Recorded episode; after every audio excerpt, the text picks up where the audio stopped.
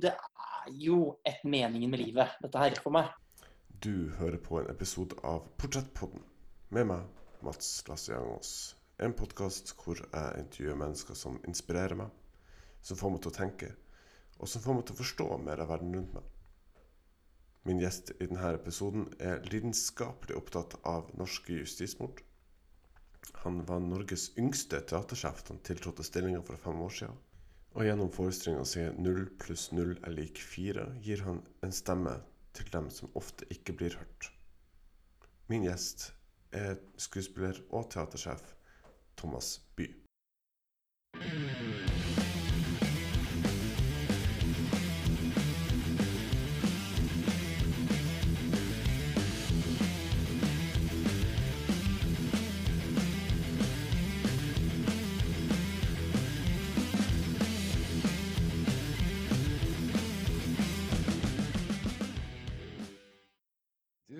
En episode av Portrettpodden med Mats Strassiang. Også min gjest er teatersjef og skuespiller Thomas Bye. En mann som er mer enn gjennomsnitt, gjennomsnittlig opptatt av norsk justismord og Orson Welles.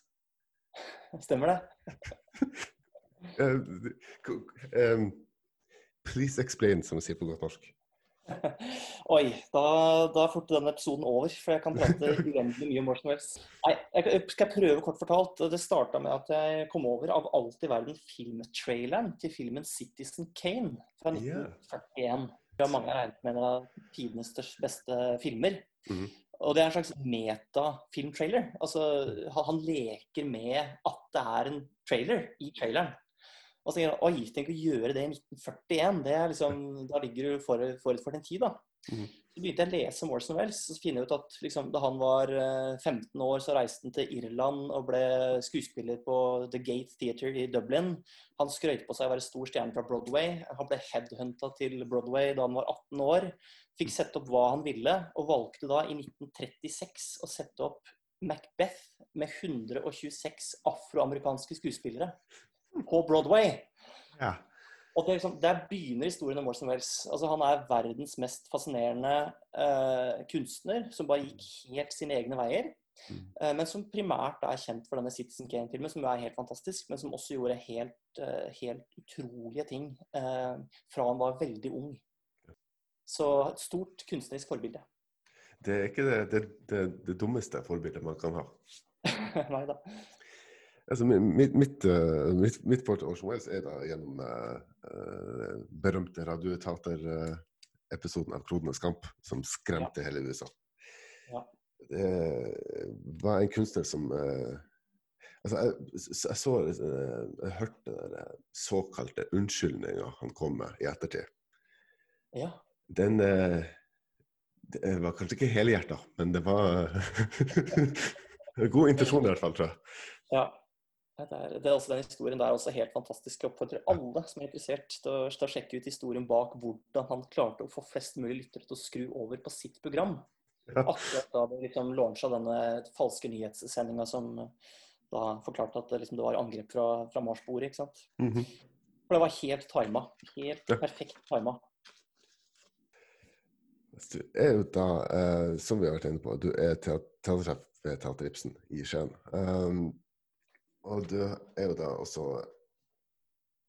gjennomsnittlig, mer gjennomsnittlig opptatt av norske justismord, som da har resultert i forestillinga 0 pluss 0 er lik 4. Som du har spilt i omtrent syv år, hvis matten min er som noenlunde oppegående. Det stemmer. Um, men eh, det her begynte da egentlig med Jens Bjørneboe. Ja, det begynte med at, eh, at jeg fikk lov til å velge et stykke å sette opp på Teater Ibsen. Da jobba jeg der som skuespiller. Dette er tilbake i 2004-2005. Og da endte det, altså at jeg fikk lov til å sette hva jeg ville, endte opp med at jeg valgte dette skuespillet som heter 'Tilfelle Torgersen', skrevet av Jens Bjørneboe. På 70-tallet, eh, som da handler om eh, den mye omtalte saken med Fredrik Fasting Torgersen, Torgersen-saken. Og det ble da startpunktet for en eh, da, mange, mange år i lidenskap for dette temaet rettssikkerhet og, og justismord.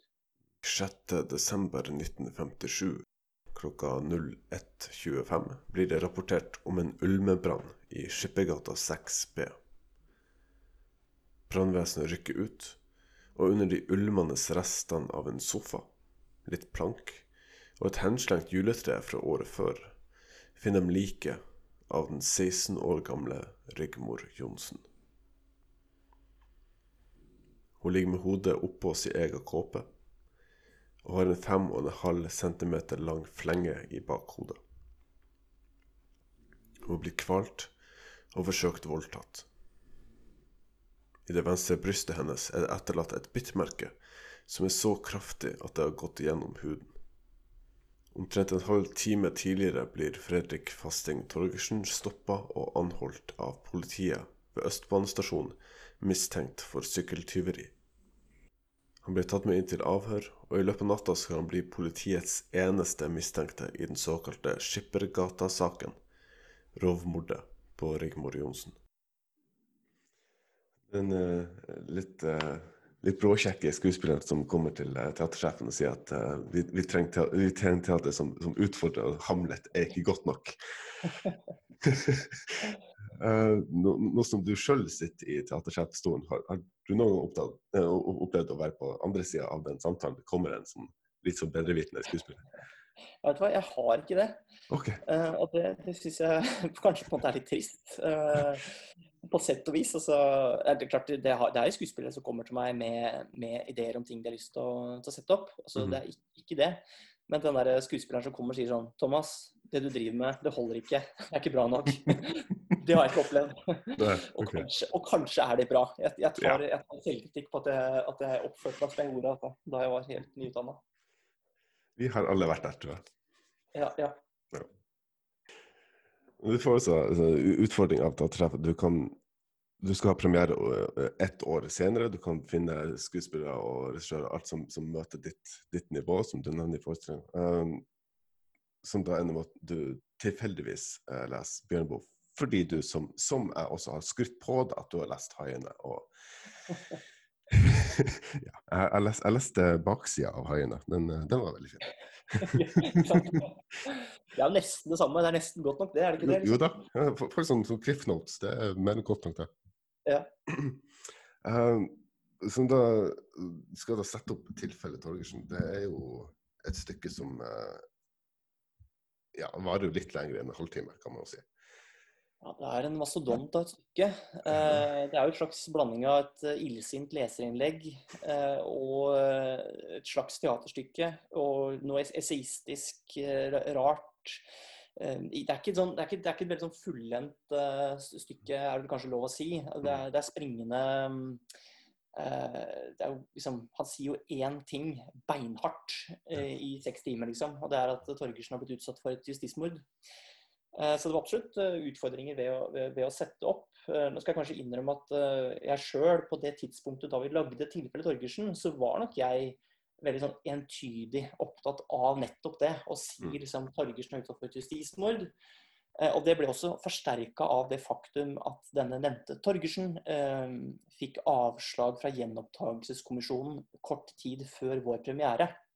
Så Sånn sett så kan man jo forsvare at man lagde en, en ganske entydig forestilling, all den tid eh, det forelå en slags offentlig sannhet om at mm. han faktisk var skyldig. Ja.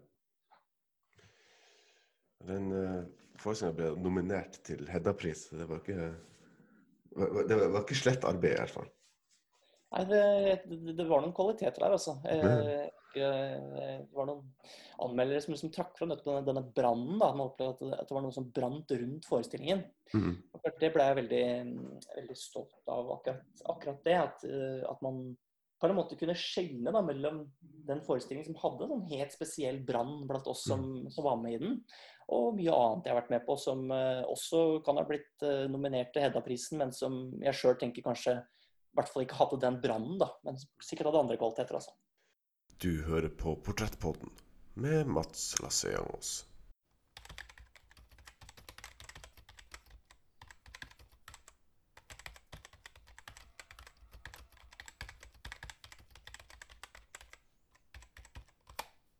Du har, du har jo vært, uh, vært, med i, uh, vært involvert som skuespiller i, i mange spennende prosjekter. Um, men eh, nå i, altså, e-, etter, etter, ditt møte med, med, med tilfellet Torgersen, så virker det på, på, meg fra utsida at eh, du blir mer opptatt av sånn, dokumentarisk teater, at det skal, det skal skildre virkeligheten. og det så har, har, har du konkret sett at Sett bort fra den, den jyplingen som er for god for Hamlet. Den Føler du sjøl at du som skuespiller eh, at det, det er viktigere å, skildre det liv enn å spille villaen, f.eks.?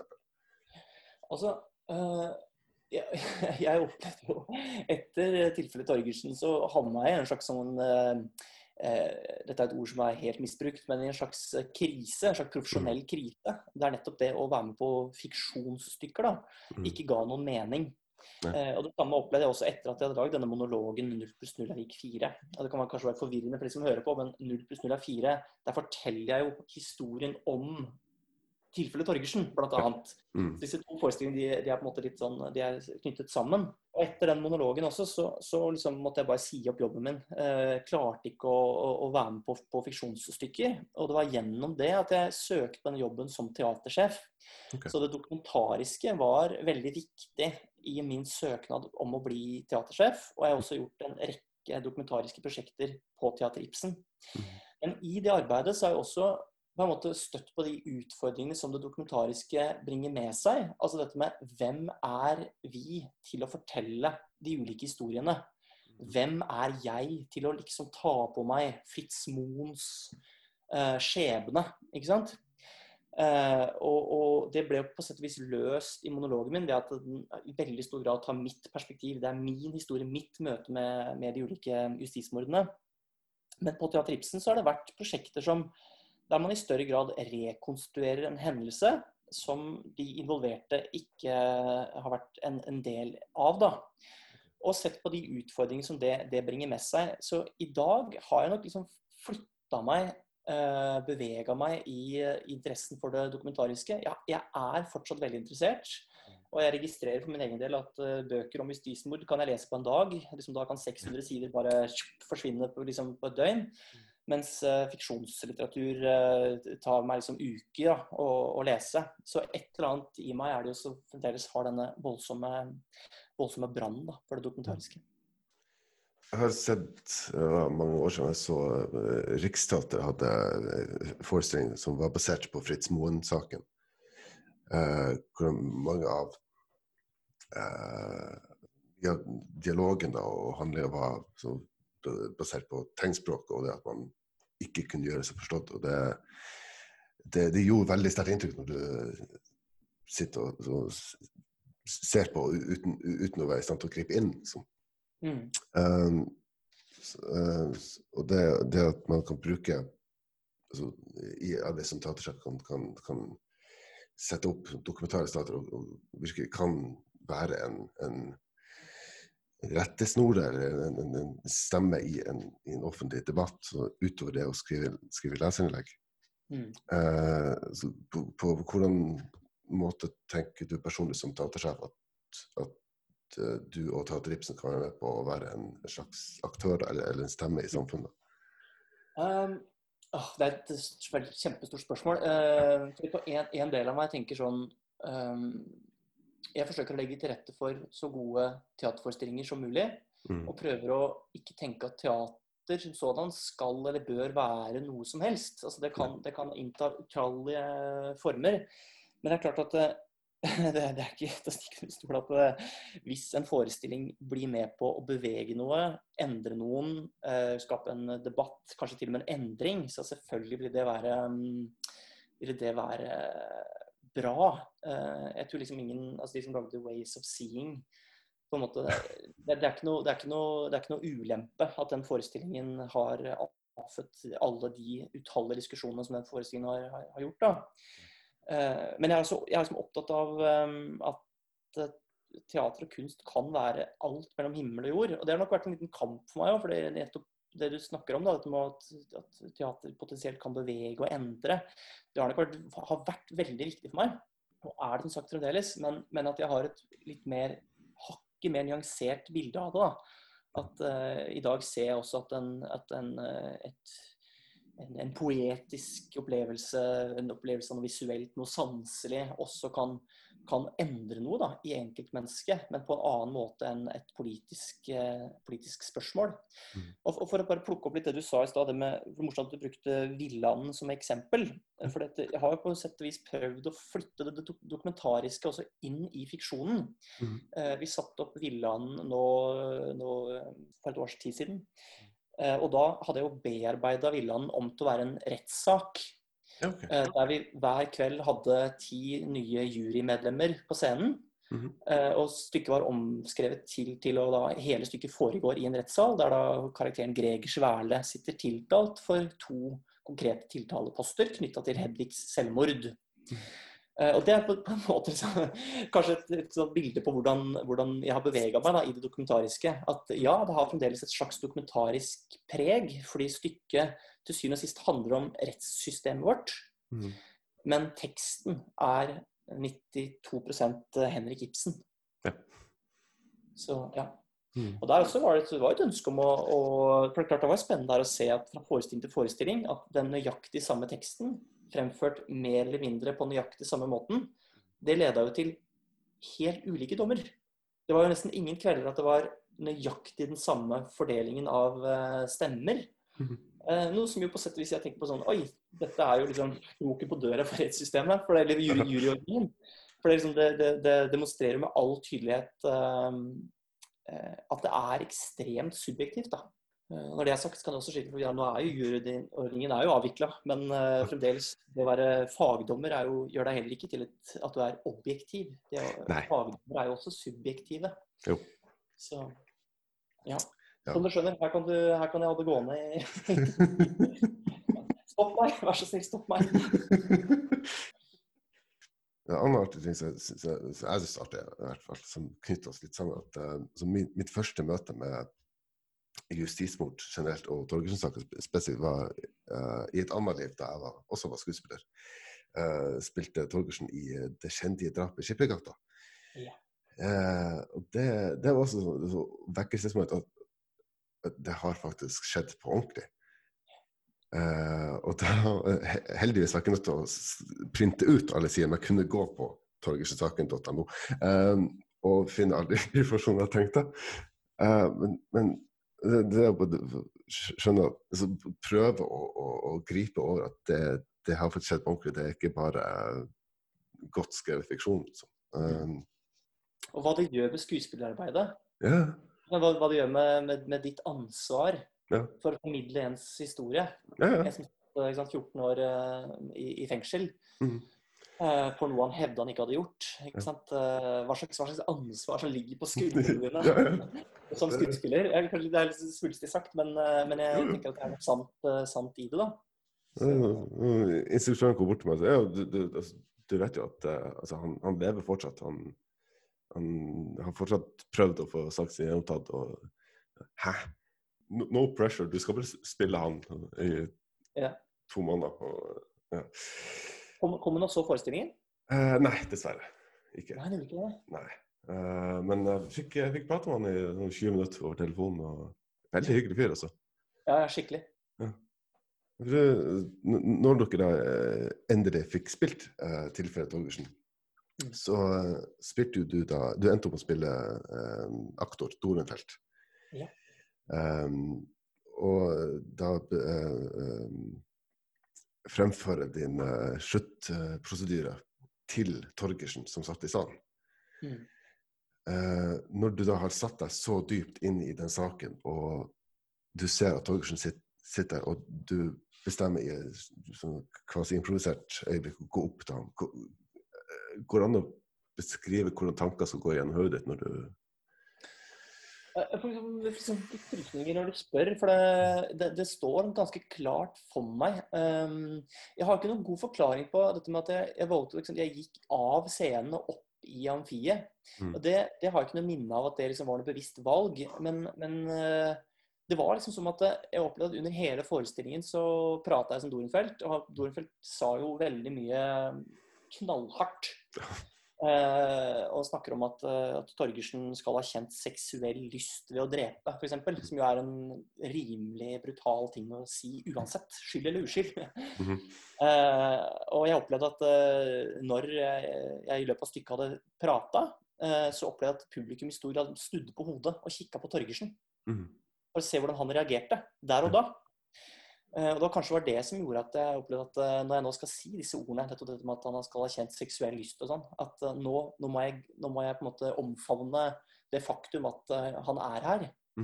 Eh, og da gå opp og, og si de ordene til han, peke på han og si det. Um, ja, jeg vet ikke om jeg klarer å sette, å sette gode ord på liksom, hvordan det var, annet enn at det var en um, det, var, det var jo veldig, veldig mm, spesielt, altså. Jeg, jeg, klarer ikke å, jeg klarer ikke å si noe mer presist. Um, men han smilte liksom litt til meg. Okay. Det var liksom et slags sånn glimt i øyet fra han uh, på dette her. At han på sett og vis uh, uh, så på meg som en skuespiller, naturlig nok. Det, var det var ikke noe flash, flashback til rettssaken i 58, liksom. Heldigvis. I hvert fall ikke. Det, selv om han også sa etterpå at det var, liksom, var spesielt uh, Han var jo sånn, vet du. Han var sånn. Mhm. Så liksom sånn etterpå. Så Ja, nei. Men det er klart, det er en opplevelse som jeg ikke ikke sannsynligvis kommer til å få igjen. Altså Lignende opplevelser tror jeg det vanskelig kan få igjen i løpet av skuespillerkarrieren. Ja.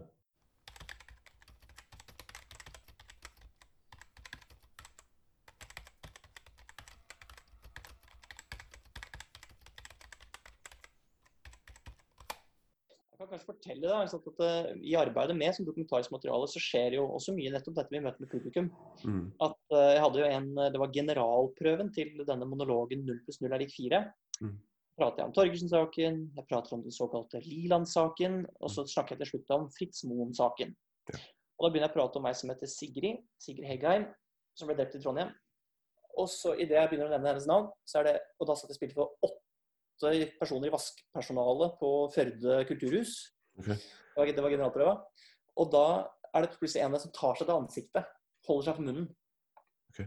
Og i og med at de var så få, og reaksjonen var så stor, så Mm. måtte jeg nesten spørre Kjente du henne? Og så svarte hun eh, Ser du ikke hvor lik jeg er? sa hun. Og da var det et nært familiemedlem av Sigrid Heggheim som satt på første og eneste rad. Mhm. Og da visste jeg at nå har jeg liksom kvarter foran meg, og jeg skal snakke om sædfunn, kvelning. Og igjen, ikke sant, så bare tjum, tikker dette ansvaret. Ja.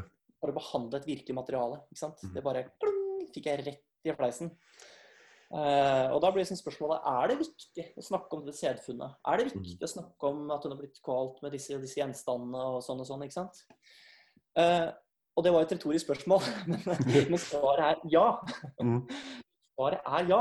Fordi Mhm. for å forstå uh, justismordet på Fritz Moen, så må man vite at det ble funnet sæd, Mhm. og at man testa den opp mot Fritz Moen, og at man så at den ikke stemte med hans blodtype.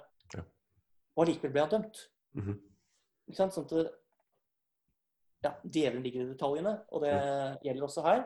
Og det er klart at det ligger jo da et eh, generelt ansvar, eller, eller en, en, en sånn skille mellom å ivareta de etterlattes eh, sikkerhet ikke sant? og deres følelser, og dette med å faktisk våge å behandle et tema fullt og helt. da. Det er interessant det Thomas nevner her, det med at djevelen ligger i detaljene. For likhetstrekk ser man også i denne såkalte Liland-saken. Hvor da en mann skal ha blitt hogd i hodet opptil åtte ganger, og likevel overleve i 13 timer. Og det, altså Man kan jo spekulere i om det faktisk har skjedd, eller hvorfor den teorien eh, kommer opp. Men altså, det er sånn, det er brutalt å høre på, men det er jo viktig at det, det, det hører også til historien. Ja. At eh, man, at, at man altså, Det skjedde et drap da i 1969. og Det er en sak Mm. som ble forsøkt gjenopptatt flere ganger, men det ble først gjenopptatt i 1994. Ja. Og, da, er og det, Grunnen til at man har med detaljer om at eh, han har blitt hugget i hodet, det er helt grusomt. ikke sant? Han har blitt det åtte ganger. Og hvorfor har man med det? Jo, nettopp for å få fram det absurde i at man kan tro på at en person har blitt hugget inn til hjernen, men allikevel skal leve i 13 timer. Og det, den detaljen er man avhengig av for å kunne knytte Per Liland til drapene. Og det blir jo et slags bilde da, på hvor langt rettssystemet har vært villig til å strekke seg for å få Per Liland dømt. For når vi i dag sitter og hører på Hæ? Hugget inn til hjernen, og så dør han ikke momentant? Helt usannsynlig, kan vi tenke i dag. ikke sant? Men man tenkte det ikke. Og det var den eneste høyesterettsdommeren etter den andre som godtok den teorien. Og da mener jeg at den detaljen er viktig å få fram, for det, for det, er, jo, det er jo nettopp der det er jo der justismordet ligger. Det ligger at man burde ha forstått, men man gjorde det ikke. Hvorfor ikke? Hvorfor ikke? Det er jo det to- store spørsmålet som jeg dessverre ikke tror vi kommer til å finne svar på i løpet av denne episoden. Men, eh, men det er så, så, så eh, Når jeg jobber med den forestillinga, så så jeg Brennpunkt-dokumentar om Ja. Torgersen-saken. Så var i to deler. Og da sa eh, Ståle Eskeland, det var 2005 må det ha vært, eh, kanskje senere, at eh, det er mange av de bevisene som, som tilsier at Torgersen ikke var på åstedet på drapstidspunktet. Og mange av de bevisene også sier at han umulig kan ha vært der. Men likevel så ble han dømt. Mm. Uh, og saken ble forsøkt gjenopptatt opptil syv ganger. Uh, men det har likevel likevel aldri kommet fram til en ny rettssak. Og Torgersen døde i 2015 uten å, få sitt, uten å kunne se at sin sak blir gjennomført. Hvordan, hvordan tanker har, har du rundt det at, uh, at den saken fremdeles ikke har blitt gjentatt? Uh, jeg tenker at liksom, Noe av utfordringene er nettopp det retoriske som ligger i at den ene parten sier 'han kan umulig ha gjort det', Mm. og den andre parten sier 'det er bevist utover enhver rimelig tvil at han har gjort det'. Og i det møtepunktet der sånn, så, så tror jeg liksom noe av utfordringen ligger, da. For hvis jeg skal, skal, jeg være, skal, jeg sånn, skal prøve å være litt pragmatisk litt, og litt noen løsningsorientert, skal jeg si sånn Nei, vet du hva, det er faktisk ikke sånn at Torgersen ikke kan ha gjort det. Altså, det, er ikke, det, er ikke, det er ikke bevist at han ikke kan ha gjort det. Nei. Det er ingen vitneforklaringer som knytter ham til drapet, Mm. uh, f.eks. Mm. Men han kan teoretisk sett ha befunnet seg i Skippergata da Rigmor ble drept, mener jeg. Ja. Men veien derfra til at det er bevist at han var der, Ja. den er kjempelang. Ja. Og jeg mener at den veien er så lang at han så langt Og jeg er bare en lekperson. Jeg er ikke, jeg er ikke jurist. Eh, men, men så langt jeg kan forstå det, og rettssystemet har jo tross alt hatt et jurysystem bestående av lekfolk i Mm. rimelig mange år da, fram til nå. Eh, Så hvis jeg kunne være med å dømme, så mener jeg at det er utvilsomt at saken hans hadde fortjent å bli gjenopptatt. Og der skiller jeg øh, veldig lag da med, med, med gjenopptakelseskommisjonen. Og jeg syns det er oppriktig veldig trist, sørgelig, at Torgersen ikke fikk eh, oppleve en gjenopptakelse. Saken blir nok aldri gjenopptatt. Det ligger jo en gjenopptakelsesbegjæring inne eh, nå, i dag, fremdeles. Som de venter på svar på. Den er for, Det er lenge siden den ble levert. Og kort tid etter at Torgersen døde, så ble den levert. For den ble ferdigstilt før han døde. Ok. Eh, Men det tar årevis før han får noe svar, for det er klart dette er ikke en sak som kommisjonen eh, prioriterer eh, høyt. Og jeg opplevde, jeg var i begravelsen til Torgersen, og da, liksom, da tikka det voldsomt inn over meg. Den der, det, det er kanskje første gang egentlig at jeg da, i denne prosessen da, med å jobbe med saken hans, at denne, dette voldsomt urettferdige eh, i at han eh, opplevde det han opplevde, og at han ikke fikk oppleve en gjenopptakelse. Selv om han gjentatte ganger sa, både til meg og han sa det også i offentligheten, at eh, han følte seg renvasket av folket. Ja. Eh, annet på bakgrunn av en sånn spørreundersøkelse som VG gjorde. Um, og det, det er jo bra det, da, på sett og vis. Selv om selvfølgelig forskjellen på, på at liksom 80% i en VG-undersøkelse sier at han har saken gjentatt, og at Mm. saken blir gjenopptatt, den er veldig stor, eh, det er stor forskjell.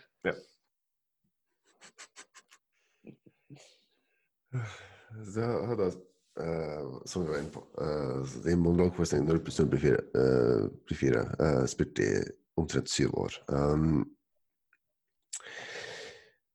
altså, hvordan altså, Det er jo ganske sånn eh, Det er jo ganske personlig forestilling. Du, du tar jo utgangspunkt i deg sjøl og din, dine følelser, din, dine opplevelser.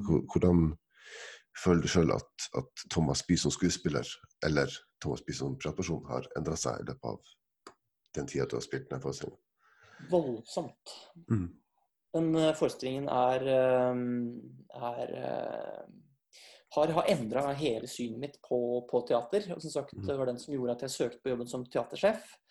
Og det handla om dette, denne, denne, sterke følelsen av at noen ganger så vet man så godt hvorfor man lager det man lager. Mhm. Og det har liksom vært ambisjonen min vært å bringe det inn som teatersjef. Eh, og der har jeg lykkes og mislykkes. Det er utrolig vanskelig å få et stort team til å trekke i helt samme retning. At alle vet hvorfor de er med, og alle vet har liksom der liksom, eh, ambisjon om det samme. og eh, ja, det, det, det er skikkelig vanskelig. Men, men forestillingen også påvirker meg i den forstand at jeg den ble laga gjennom at um, han som egentlig er grunnen til at forestillingen fins, som er regissør Aslak Moe, han eh, Jeg kjente ikke han, men han hørte meg skravle på byen. Mhm. Eh, jeg prata bare om justismord. eh, og endeløse monologer eh, for folk som syntes det var ganske kjedelig. Mhm. Eh, og, da, jeg var ferdigprata, så gikk jeg hjem. For jeg, det er helt sånn, jeg tenkte ikke på noe annet. og Det låter overdrevet, men det var liksom en autistisk periode jeg hadde der. Eh, og da var det han Aslak som sa jeg tror du har en monolog her. Eh, og så sa jeg til han nei det, nei, det tror jeg ikke. Eh, og så insisterte han på jo, jeg tror du bare må fortelle det liksom, via deg sjøl og gjøre din egen. Og da liksom på det tidspunktet hadde jeg skrevet leserinnlegg i Aftenposten eh, om dette med at vi hele tiden omgjøres med personlige historier. Mhm. Overalt rundt oss er det personlige historier. Og, eh, og eh, i nyhetene, på Dagsrevyen, så velger man alltid å fortelle personlige historien. Ja. Med alle de farene det medfører, på at man ikke får det store bildet. Ja. At man ender opp med enkeltindivider, ikke sant? og så klarer man ikke å si noe om den store overbygningen. Mm. Så dette her er som hadde jeg skrevet leserinnlegg om, og så kommer det en regissør og sier du har en kjempebra fortelling, men du må fortelle den via deg sjæl. Ja. Så sa jeg greit, jeg kan godt gjøre det, men da skal jeg starte forestillingen med å leserinnlegget. Jeg skal lese høyt at jeg er motstander av personlige historier. Det var liksom veien inn. Mhm. Eh, og da kom jeg til poenget. Det var at han insisterte på at jeg, at jeg ikke skulle forberede meg til sånne Altså Det konkret skjedde, var at Aslak Moe sa kom hjem til meg, og så skal du prate from the top of your head i en halvtime. Ikke forbered deg. Bare, bare prat om Torgersen-saken, for den kan du på rams. Mhm. OK, greit. Så gjorde jeg det for tre naboer som Aslak fikk eh, skremt inn i stua si. Og etter den halvtimen så prata vi med naboene og spurte hva, hva tenkte dere, skjønte dere, var det noe som var uklart og sånn. Mhm. Så fikk vi masse tilbakemeldinger. Og så sa Aslak kan ikke gjøre det gjennom to dager. Eh, Da kan du prate i tre kvarter. Mhm. Ja, skal jeg forberede meg? Nei da, ikke bare prat from the top of your head. Mhm. Og så gjorde jeg det samme. Og sånn gjorde han og jeg i halvannet år. Altså, vi hadde ingen vanlige prøver. Mhm. Vi hadde kun prøver med publikum. Altså, alt var for publikum. Så i dag Jeg eier jo ikke, jeg har ikke nerve i kroppen. Altså, Jeg er jo aldri redd for noe som helst som har med å stå på scenen å gjøre. Det er bare fullstendig blitt liksom vaska vekk av det der halvannet året stående uten et manus. Mhm.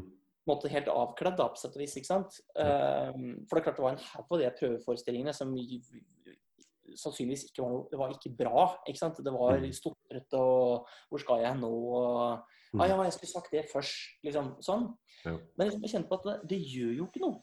Og, og, og for det prøvepublikummet så var dette bare spennende. ikke sant? De kunne ha helt konkrete ting å, å gi tilbakemeldinger på. Mhm. Så i dag så er det, liksom, det er- egentlig sånn kjempest for meg, men jeg, jeg klarer aldri helt å få innført det som teatersjef. Dette med at det å møte publikum, det er bare bra. Det er alltid bra. Og skuespillere burde bare omfavne det å, det, det å ha muligheten til å drite seg skikkelig ut eh. Det, det er bare bra. Og man får kjent kroppen liksom, dette funker, dette fungerer ikke. Mm.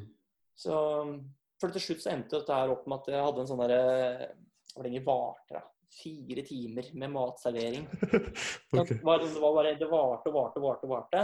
Mhm. Og så begynte da den møysommelige prosessen med Aslak og meg, og da begynte vi å jobbe litt sånn på egen hånd. Og det handla bare om å strukturere stoffet og bestemme oss for den historien forteller vi først, og så den, og så den, og så den. Mhm. Så at, eh, I dag så er forestillingen fremdeles ikke um, Altså den kan forandre seg fra, fra kveld til kveld. Mhm. Men det som står fast, da, det er den strukturen. Jeg forteller historiene i samme rekkefølge. Altså det, det er jo unektelig eh, skummelt å stå foran et publikum uten at du har det manuset eller det sikkerhetsnettet å lande på. Men jeg tenker også det på, på andre sida så må det jo være en, sånn- luksus også, som man vanligvis ikke har som skuespiller, at du har såpass mange møter med publikum før du måte Ja. premiere. da. Det er skikkelig, skikkelig å, å anbefale. Og, og det gir også sånn frihet, ikke sant. Som selvfølgelig er sånn blir kanskje litt vel tek skuespillerteknisk her, men, men Mm. at um, Det har vært forestillinger hvor jeg kjenner at, eh, at jeg står og holder tilbake noe. Mm. At jeg, åh, i dag, oh, Nå føler jeg meg skikkelig som konspiratorisk, sånn, sånn konspirasjonsteoretiker. Mm. Ah, og, da, og da kunne si det. Ja. Det, det, liksom, det er ikke noe bunnen tekst her. Mm. Det at man kan ta inn øyeblikkene. Det at eh, jeg kan spørre hun på første rad kjente, kjente du henne? Mm. At, at det er det rommet for å, for å reelt snakke til publikum. da. Ja. Og, og at det har vært et sånt mantra egentlig for forestillingen som sådan, er helt at man, at man reelt skal snakke med publikum. Og det er også sånn, Du spurte meg i stad, jeg svarte vel bare halvveis på det, hvordan forestillingen har endra meg som skuespiller. Og Det er også en av de tingene. At jeg, at jeg i dag kjenner på en helt annen sånn eh, at, jeg, at jeg veldig tydelig kjenner forskjellen på nå snakker jeg i retning av publikum, Mm. og nå snakker jeg med publikum. Ja. Og den forskjellen er enorm. Mm. Og jeg, jeg kjenner den veldig godt uh, når det bare er å Nå står jeg med ansiktet mitt vendt ut mot dere, men jeg snakker ikke til dere. Eh, og sånn er det jo ofte, på en måte, dessverre. Men det er, det er kjempevanskelig å snakke reelt til publikum. Selvfølgelig fordi det ikke er en de Det er en, altså de er en, eh, det er en mangfoldig gruppe, da, og man, og man kanskje må snakke ulikt til ulike personer. Men allikevel så er det en forskjell så, så enorm da, på når man får det til, Mm. og når man ikke gjør det. Du hører på Portrettpodden med Mats Lasseangos.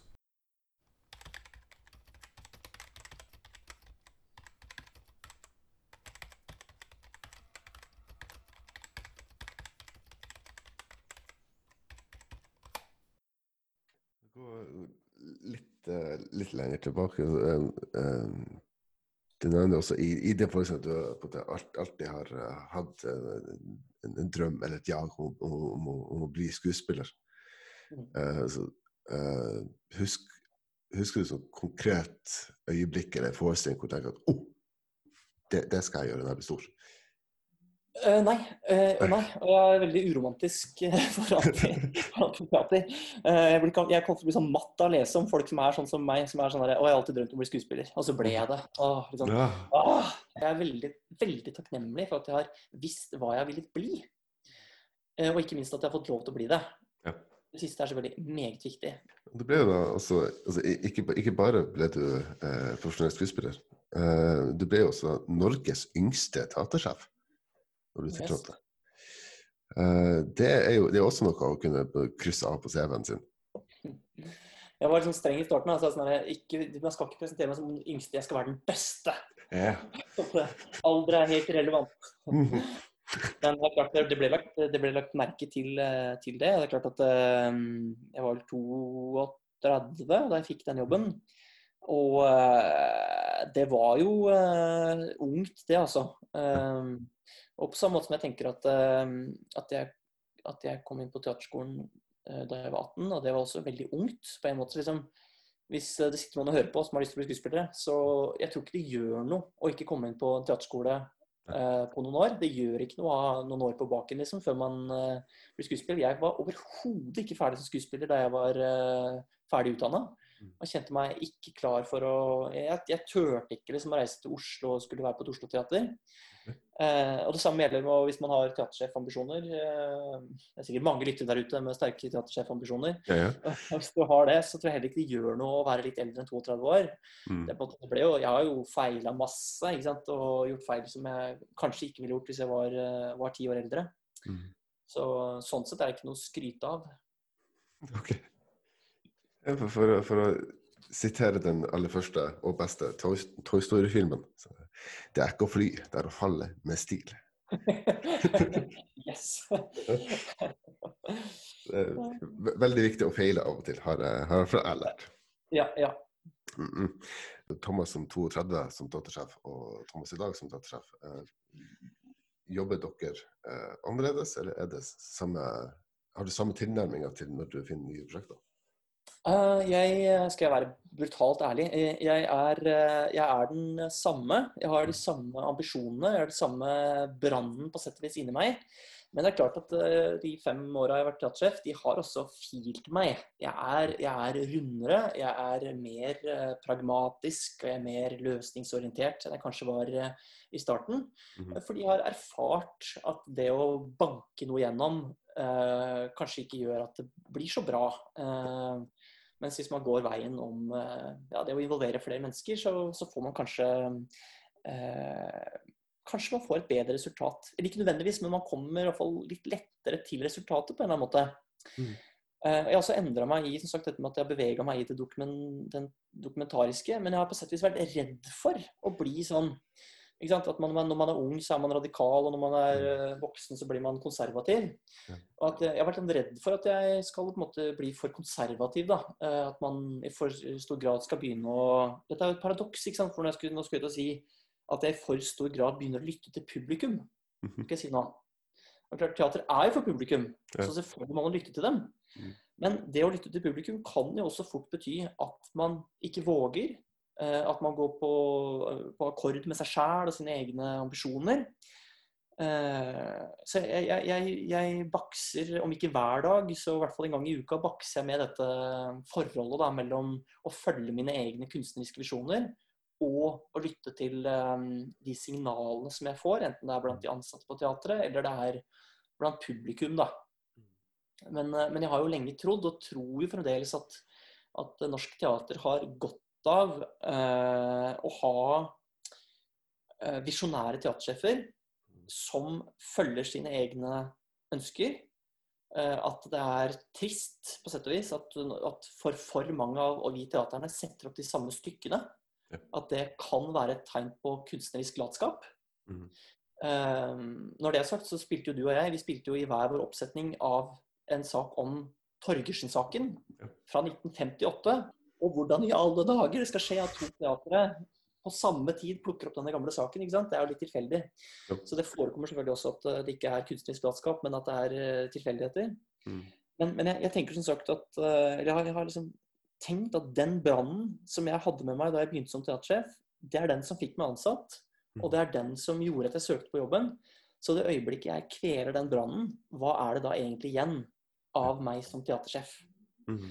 Jeg er ikke teatersjefen, dette innrømmer jeg gladelig. Jeg er ikke teatersjefen som primært i, besitter de store lederegenskapene, og som har lest liksom, litteratur om hvordan man skal være en god leder.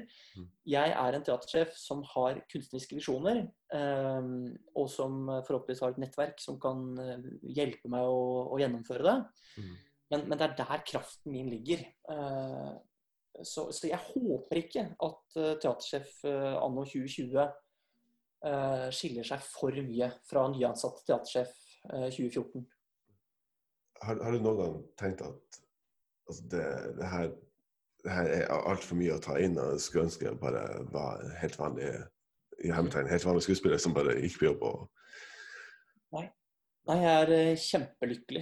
På samme måte som at jeg er glad for at jeg har, har, har hatt et ønske om å bli Har visst hva jeg ville bli i livet, da. Så er jeg også helt vanvittig takknemlig overfor, over, over, at jeg har um, fått denne justismordgnisten.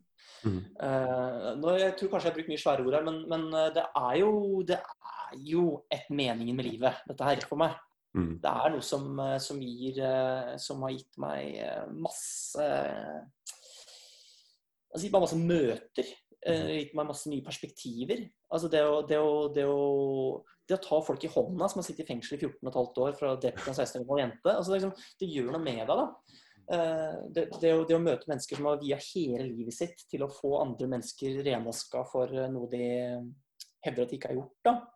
det har gjort at jeg har, liksom, jeg har jo opplevd at jeg har eh, hatt noen møter som som veldig mange nok hadde, som er veldig takknemlige for å få. da. Mm. Uh, sånn jeg, jeg, så selv om det har vært liksom, kvelder der samboeren min sikkert tenker at nå begynner det å holde. Liksom. Nå har, eh, nå har hele måneden gått med på å lese lese sånne der obduksjonsrapporter fra 75, liksom. Uff, ja. Så jeg tenker jo at, eh, at eh, det alt i alt da egentlig bare er, er positivt. Eh, Og det er nesten blitt sånn at, eh, at før jeg skulle snakke med deg nå, så er det ganske lenge siden jeg har tenkt på Torgersen. Ganske lenge siden jeg har tenkt på Fritz Moen. Og, for nå har liksom livet blitt fylt av andre ting. Og det, da, kan jeg, da sitter jeg snarere heller med, med dårligere samvittighet. Mm. At uh, for hver dag uh, Ikke hver dag som går, men når det, når det går sånn halvt år med hver gang jeg spiller monologen min og sånn, Mm. så er det liksom dårlig samvittighet på, på vegne av rart, men på vegne av de som er døde, på vegne av deres historie, på vegne av de som kjempa for dem. Og, og ja, dette er stort sett innom nå. Når jeg spiller forestilling nå, så er jeg stort sett innom dette med hvorfor i helsike skal jeg spille denne forestillingen videre? Nå er jo alle jeg prater om, er døde Mm. omtrent. Uh, hva er det jeg driver med nå, liksom? Uh, er det et, eh, For da begynner det å bli sånn Er det, er det bare for meg sjæl? Er, det mine- er det sånn terapi, behandling for meg sjæl, liksom? Den unge kunstneren trenger noens skjebne liksom, å, å drikke, drikke av, da. Mm. Men eh, jeg, må, jeg tror i hvert fall fremdeles at det, det handler om eh, en følelse av at eh, de sakene er jo kjente. Torgersen-saken er kjent, Liland-saken er kjent, Fritz Moen-saken er kjent. Uh, Birgitte Tengs, fetteren Mm. hans, er kjent. Uh, men fremdeles så er ikke sakene, eller flere av dem, er ikke ferdige i den forstand at det aldri har fått noen følger.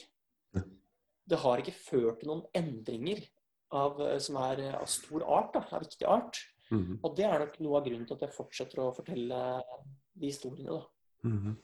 Det, det er jo det er jo lenge å, å være involvert med, med en og samme forestilling. så, Eh, hva er det Kanskje også litt så summende spørsmål, men hva hva er det viktigste du har lært da, i løpet av de, de syv årene? Eh, Rent sånn teaterfaglig så har jeg jo lært at at eh, man kan stå rett opp og ned i to timer mm. og skravle. Ja. Uh, så lenge du har noe på hjertet. Mm. Og at uh, det brukes så å si ingen teatrale virkemidler i denne forestillingen. Mm. Uh, men det holder. Og jeg opplever at publikum i veldig stor grad lager sine egne bilder. Ja. Ja, det har jeg lært. Skal, skal vi runde av her? Det har altså vært eh, lang reise fra at du først oppdaga tilfellet Torgersen fram til i dag. Men eh, det er, for meg veldig inspirerende å vite at man har i hvert fall én eh, som fortsatt eh, velger å kjempe videre for eh, de, de som ikke blir, blir hørt, og som da også kan bruke teater til å fortelle en sånn historie. Så du skal ha stor takk, Thomas. Tusen takk for det. Eh, jeg må si at eh, jeg har jo blitt overøst med, med den type tilbakemeldinger, og det er selvfølgelig utrolig takknemlig for. Og det er nok også kanskje noe av grunnen til at jeg fortsetter å, å spille denne, denne forestillingen. Og hvis det er sånn at jeg kan inspirere folk til å Enten det er skuespillere som får lyst til å fortelle sine egne historier, eller inspirere publikum til å lese opp, eh, seg opp på justismord og sånn, så da da har det virkelig vært verdt arbeidet. Du har hørt en episode av Portrettpodden med meg, Mats Lasse Jangås, og min gjest var skuespiller og teatersjef Thomas By. Har du gjort deg noen tanker mens du har hørt denne episoden? Har du ris eller ros eller tips du ønsker å komme, så kan du rette det til Portrettpodden sine Facebook-sider. Portrettpodden arbeider i henhold til Vær varsom-plakaten. Takk for at nettopp du hørte på, og vi høres snart igjen.